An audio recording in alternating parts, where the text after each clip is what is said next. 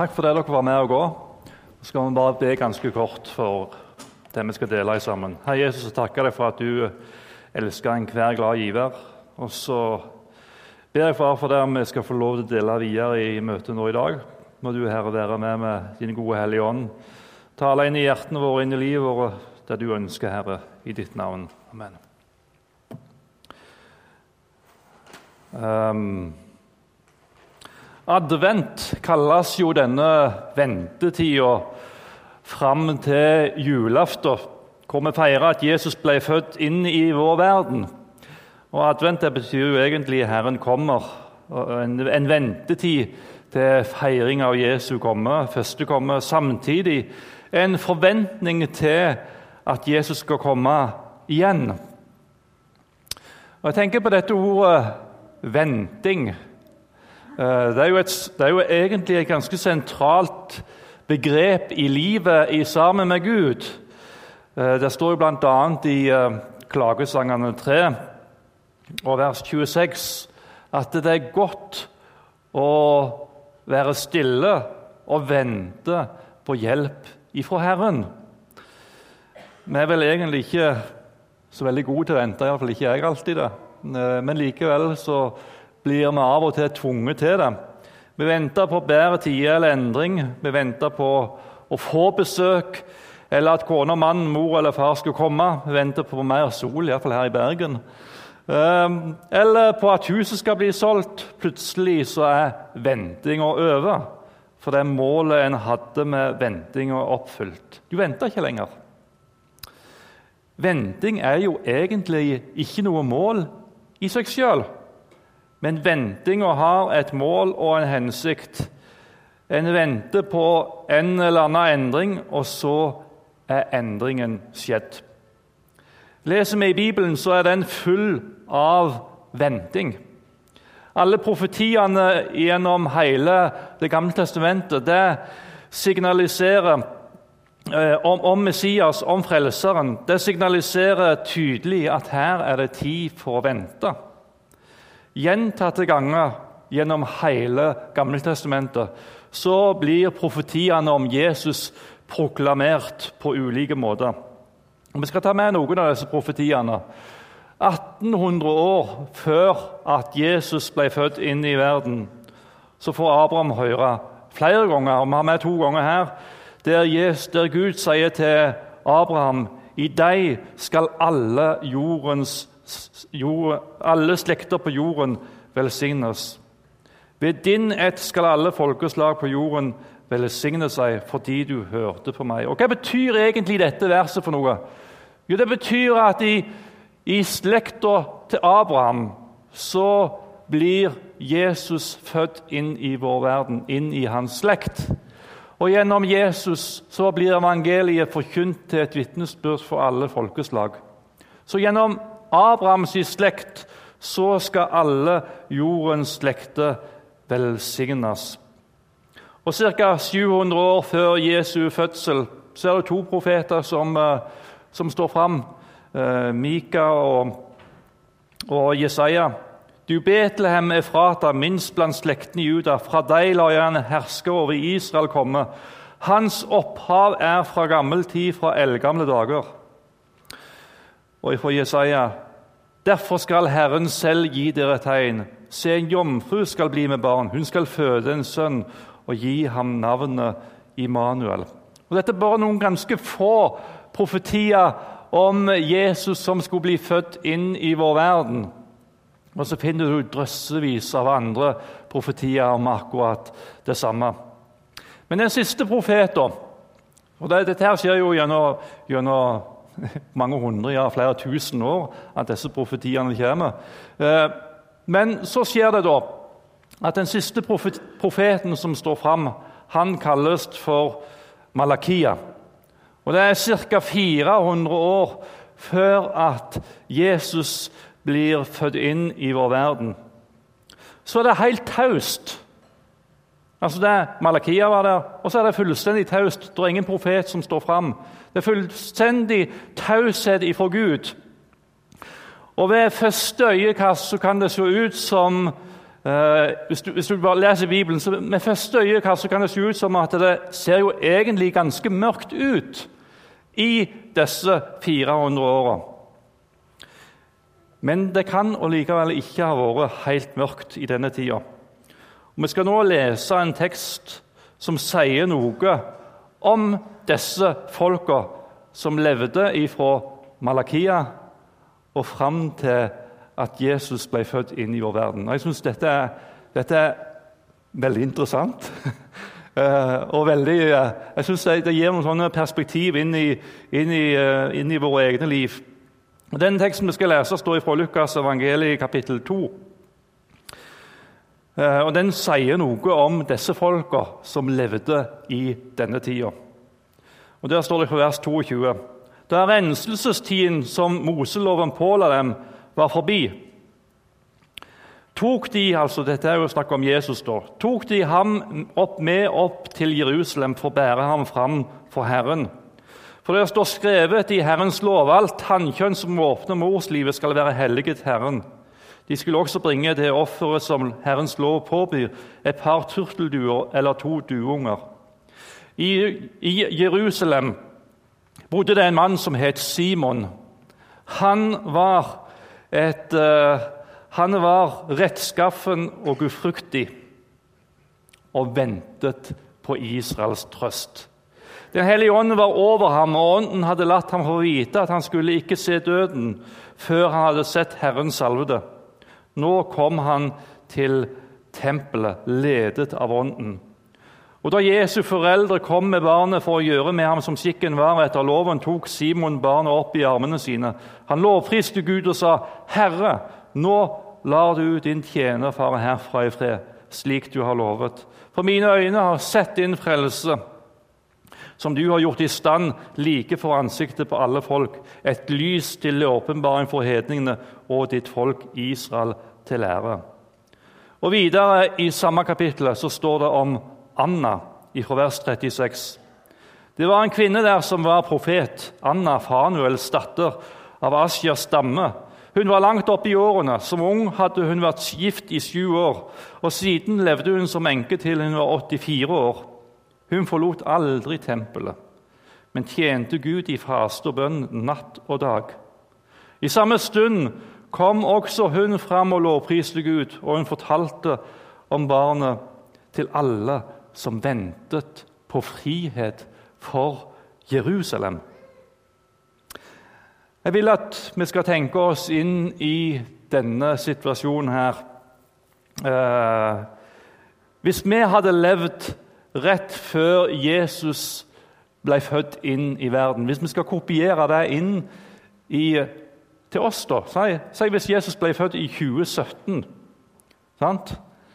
Hvis Jesus hadde blitt født i år, denne jula her, så har det altså gått 400 år siden det var en profet siste gang som sto fram. Og Det vil altså si at det ikke hadde vært noen profet siden 1617. da begynner det å få noen dimensjoner her, ikke sant? Eh, dette her som vi leser om i, eh, i, eh, i Bibelen, om Jesu fødsel, om Simon og Anna. Og de hadde jo ikke hver sin bibel, sånn som vi har. De hadde jo ikke det. De hadde opplesningen av Skriftene i synagogene. Det var egentlig det eneste de hadde av Guds ord iblant seg. Men altså ingen ny profet. Og For å gjøre dette enda mer levende for dere Så se for deg da den siste profeten som kom, som kom da, altså Malakia. Så var det noen som var såpass voksne at de fikk med seg det som profeten Malakia sa, og det han formidla. Og så går tida. Og han eh, forteller da videre til den neste generasjonen om Messias som skulle komme. Og så forteller han det videre til den neste generasjonen igjen om Messias som skulle komme. Og sånn fortsetter det helt til at Jesus kom til vår jord. Det er en setning som jeg tenker på når jeg ser dette bildet for meg. Uendelig. En uendelig lang ventetid. Og Så så jeg for meg da en sånn, en sånn far som sitter i lag med sin sønn der faren er på sitt siste. På sine, en døende far som sitter der med sin sønn. Og Så sier faren til sønnen at ja, ja nå har jeg venta nå har jeg venta et helt liv på Messias skulle, skulle komme. Det ser ikke ut for at jeg får oppleve Messias i min levetid. Men kanskje du, min sønn, får oppleve det. Kanskje du, min sønn, får oppleve at Jesus, at Messias kommer, at han blir født inn i vår verden. Og Sånn fortsetter det i generasjon etter generasjon uten at noen ting skjer. Um, kanskje var det noen da i denne tida som ropte på Gud. Hvor er du henne, Gud? Hvor er du henne? Du har jo sagt at Messias skulle komme, men jeg ser jo ingenting. Jeg ser jo ingen Messias som kommer. Det var fullstendig taust ifra Gud. Hvor er du, Gud? Har du glemt løftet ditt? Har du glemt oss? Jeg tror at det kan ha vært sånne ting som var i, i disse familiene i denne tida. For det var noen som venta. Det står om Simon og Anna. Simon venta på Israels trøst. Anna fortalte videre om barnet til, de, til alle som ventet på frihet for Jerusalem. Og Det betyr jo at det var ikke bare Simon og Anna, men det var flere som venta på denne Messias som skulle komme. Eh, og selv om de ikke så noen tegn til at det Gud hadde lovt skulle skje, så levde de med en forventning til at Jesus skulle bli født. De trodde det Gud hadde sagt gjennom profetene. Det han hadde talt gjennom profetene. Selv om ingen profet i denne tida sto fram og bekrefta det enda en gang, så trodde de at en gang skal Messias stige inn på arenaen i denne verden. Hebreabrevet 11, eh, der står det et kapittel om alle disse trusheltene i Det gamle testamentet. Jeg syns det er trosstyrkende å lese det kapittelet der. Eh, men Simon og Anna og disse andre som venta på frihet for Jerusalem, de representerer for meg alle disse anonyme trosheltene som levde i tida mellom Malakia og Jesu fødsel. De venta på Israels trøst, de venta på frihet for Jerusalem. Vi trenger jo ikke lenger å vente, for Jesus han er jo allerede kommet. Um, Ventetida er over, frelseren er kommet. Vi kan lese om Frelseren i vår bibel, og vi kan fryde og glede oss over at han er virkelig kommet. Og han levde et fullkomment liv. Han tok vår skyld og straff på seg med seg opp på korset. Jeg tror ikke vi aner egentlig hvor privilegerte vi er, som faktisk kan lese om dette i Bibelen. Når jeg da prøver å sette meg inn i den, disse 400 årene med taushet ifra Gud så tror ikke jeg vi aner hvor privilegert vi egentlig er som lever i ei tid der vi har en hel bibel, der vi kan lese om denne Jesus som er kommet. Men disse to, altså, da, eh, Simon og Anna, de, de viser noe med disse versene fra Bibelen. De viser oss vei i våre liv i sammen med Gud. Jeg har lyst til å nevne noen ting ifra som jeg ser i disse, i disse folka sine liv. Når jeg kikker litt etter det som, det som, står her. Og Det første er de venta på Messias. De venta på Messias som skulle komme. Og vi òg har jo noen løfter om at Jesus han skal faktisk komme igjen. Det står bl.a. i Apostelian kapittel 1 om om eh, når Jesus er blitt faren opp til himmelen, så kommer det altså noen engler og snakka med disse som sto og så opp imot skyene. Så sier, sier disse englene til henne, 'Galilea, hvorfor står dere og ser opp mot himmelen?' 'Denne Jesus som blir tatt bort fra, fra dere opp til himmelen,' 'han skal komme igjen på samme måte som dere har sett ham fare opp til himmelen.' Vi er jo egentlig ikke i noen annen situasjon enn disse som venter på Israels trøst og vente på frihet for Jerusalem. For vi òg venter vel egentlig, gjør vi ikke det? På at Jesus skal komme igjen. Han som for opp til himmelen. Han skal òg komme igjen en gang for å hente sine, som de som tror på han, hjem til Gud og hjem til himmelen. Og På samme måte som Simon og Arna levde i forventning til Jesus' fødsel, så kan vi se med forventning til den gjenkomsten som, som skal skje en gang i framtida. I forbindelse med Jesus sin undervisning om tegner tegnene som skal være før hans gjenkomst, så står det i Lukas 21 og vers 28. Da står det masse om disse tegnene. Men når dette begynner å skje, da rett dere opp og løft hodet, for da skal dere snart bli satt fri.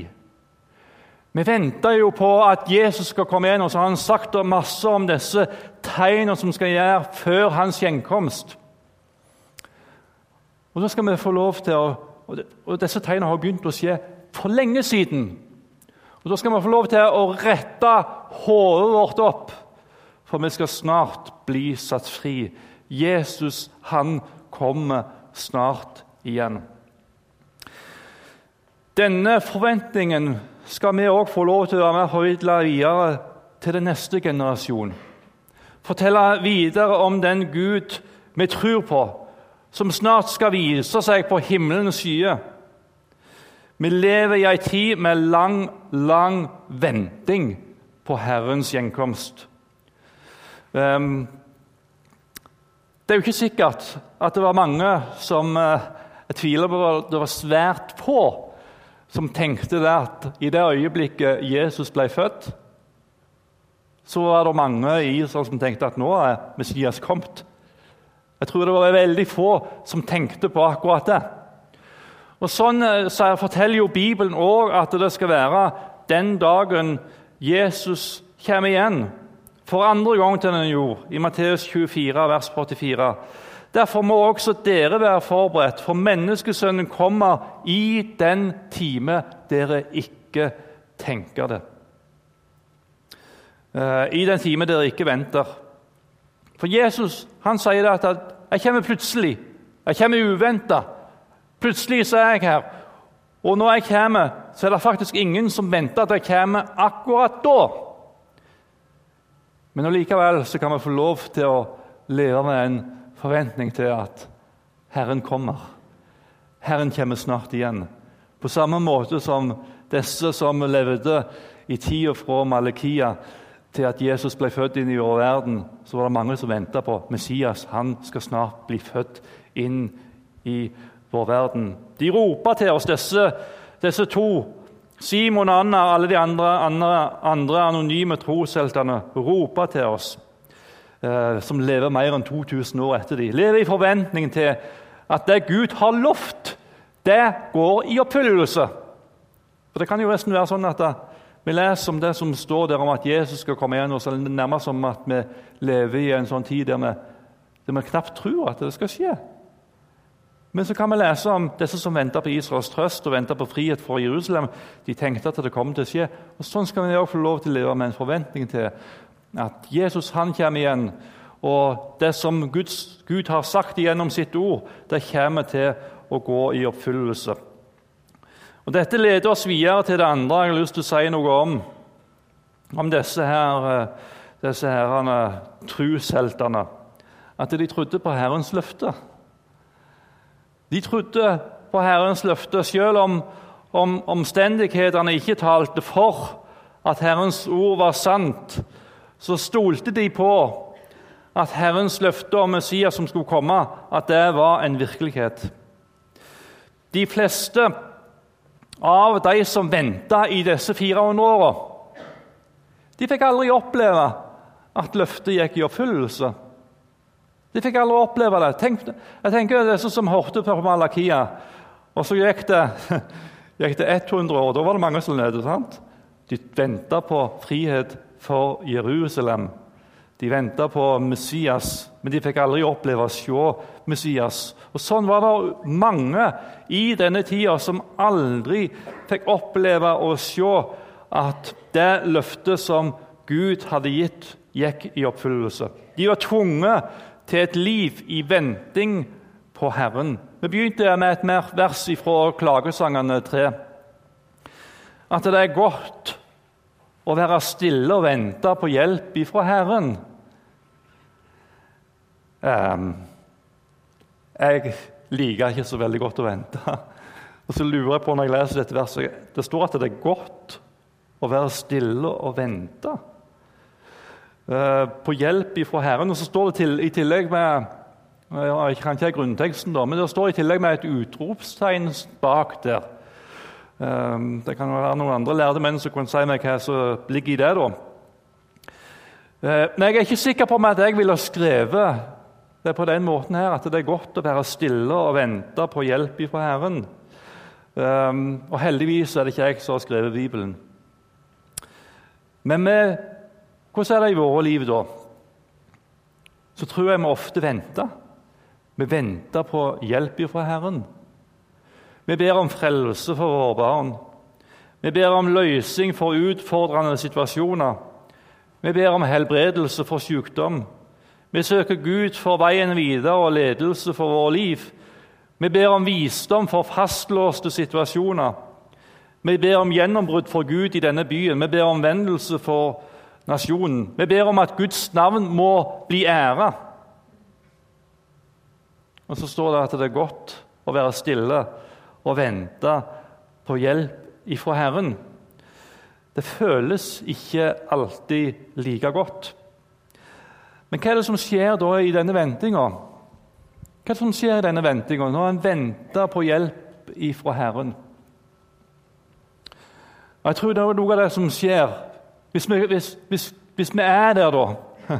Hvis vi er der innenfor Guds ansikt med hele vårt liv, så tror jeg det er noe som skjer i våre hjerter og i våre liv når vi venter på Herren så overgir du deg stadig mer over til det som er Guds vilje. Du lærer at jeg er faktisk ikke herre i mitt eget liv. Det er det Gud som er. Eh, jeg har ikke kontroll. Jeg forstår ikke Gud, men jeg venter og likevel på Herren. Å vente på Herren betyr ikke at vi får vår vilje. At det er vår vilje som skjer. Hva er det da jeg venter på? Da venter jeg på meg sjøl. Men jeg venter jo ikke på meg sjøl. Jeg venter på Herren, og da overgir jeg jo mitt liv til Herrens vilje. Eh, jeg venter ikke på meg sjøl, jeg venter på Herren. Og får jeg ikke det jeg ber om, og det hender jo. Altså, jeg får ikke alltid det jeg ber om. Og hvorfor får jeg ikke det jeg ber om? Jo, fordi jeg venter på Herren. Og når jeg da ikke får det jeg ber om, så får jeg noe bedre. Og ber jeg om noe jordisk, så får jeg noe himmelsk. Vi stoler på Herren, vi stoler på Hans løfte, vi stoler på det han har sagt, og så venter vi på Herren. Så tror jeg at Gud kan gjøre under. Gud kan gjøre det umulige mulig. Gud han er underens Gud. Han er den samme som han en gang var. Men å vente på Herren det handler ikke om at alt skjer etter min pipe. Men det handler faktisk om at alt skjer etter Guds pipe. Jeg overgir meg til Gud og til hans vilje med mitt liv. Det siste jeg har lyst til å si noe om om disse menneskene her, det var at de levde i nærkontakt med himmelens Gud.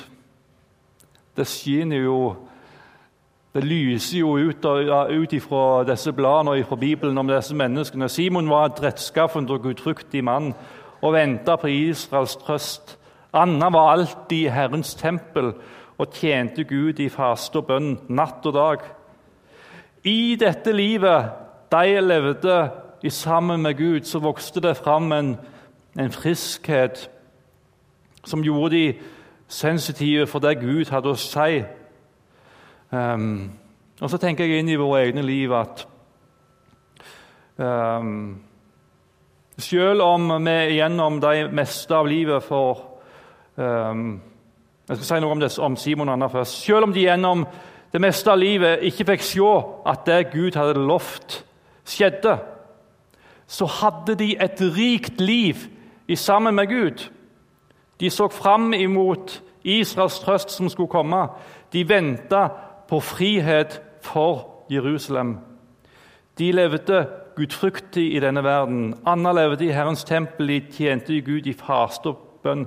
Plutselig så skjer det at de merker at nå er det noe i emning i Israel. Dette kom ikke ut av noen ting. Det at de plutselig merker at nå er det noe som er i emning i Israel, det kom ikke ut av ingenting. Det kom ut av et liv i sammen med Herren. Um, og så var det de Gud brukte til å komme med disse lovsangene over dette Jesusbarnet. De kom, det kom ut av et liv der Gud ble æra gjennom disse menneskene sine, sine liv. Disse to og alle andre anonyme trushelter kaller oss til å følge etter i deres fotspor. Eh, det finnes jo ikke noe rikere liv på denne jorda enn å leve i nær kontakt med Gud. Å leve med Gud i Bibelen og i bønna på en sånn måte og da tenker ikke jeg, For vi kan jo, vi kan jo lese denne boka, så leser vi som en annen interessant bok. Men når vi får lov til å lese denne boka som Guds ord, og at disse ordene får lov til å gjøre sitt verk i mitt hjerte og i mitt liv, og at jeg får lov til å gjøre det Gud har tenkt i, eh, i, i, i oss, så gjør det oss mer sensitive for Guds virksomhet i denne verden. Um, det står i eh, Jeremia kapittel 29 så står det Når dere kaller på meg og kommer for å be til meg, vil jeg høre på dere. Dere skal søke meg, og dere skal finne meg. Når dere søker meg av et helt hjerte, lar jeg meg finne, sier Herren. Så tror jeg det var det disse folka her gjorde. Simon og Anna. De søkte Herren av et helt hjerte. De la sitt eget til sides, og så slepte de Gud og hans krefter til inn i sine liv. Og så kjenner jo jeg da, når jeg leser denne og har, har uh, eh, jobba litt med disse her to, to folka her og alle disse andre anonyme trosheltene, så kjenner jeg et kall. da. Jeg kjenner et kall for min del til å følge etter i deres fotspor. Få lov til å leve i forventningen til at Jesus han, han kommer snart igjen. Uh, få leve i, uh, i uh, tillit til Herrens løfter og overgi mitt liv i Hans hender, til Hans vilje. Og få lov til å leve i en nær kontakt med Gud. Og Hei, Jesus, jeg har bare lyst til å be deg om det. For våre liv i, sammen med deg om at du må, Herre, må få lov til å lede oss. Du, Herre, må få lov til å lede oss på din vei. Du må lede oss uh, lenger inn i, i fellesskapet i lag med deg. Uh, jeg ber om at vi kan få lov til å følge etter Simon og Anna, følge etter deres fotspor. Få lov til å gå etter, lære av det livet som de levde i sammen med deg. Og nå ser du med vi skal få lov til å, å minnes en gang om at du kom inn i vår verden. så tror vi Jesus at du skal komme igjen en gang senere òg. Be om at vi kan få lov til å leve forventninger til deg. Be om at vi kan få lov til å leve i tillit og tro til dine løfter. Overgi våre liv i dine hender. Og så ber jeg Herre Jesus, om at uh, vi alltid kan få lov til å leve i en nær kontakt med deg. Og så ber vi at vi kan få bli uh, At dette fellesskapet sammen med deg at det fører til at vi, vi ser mer hva du gjør i andre menneskers liv. Og at vi kan gå inn i situasjoner og være dine redskap til at nye mennesker kan få lov til å møte deg og få et nytt liv i ditt navn.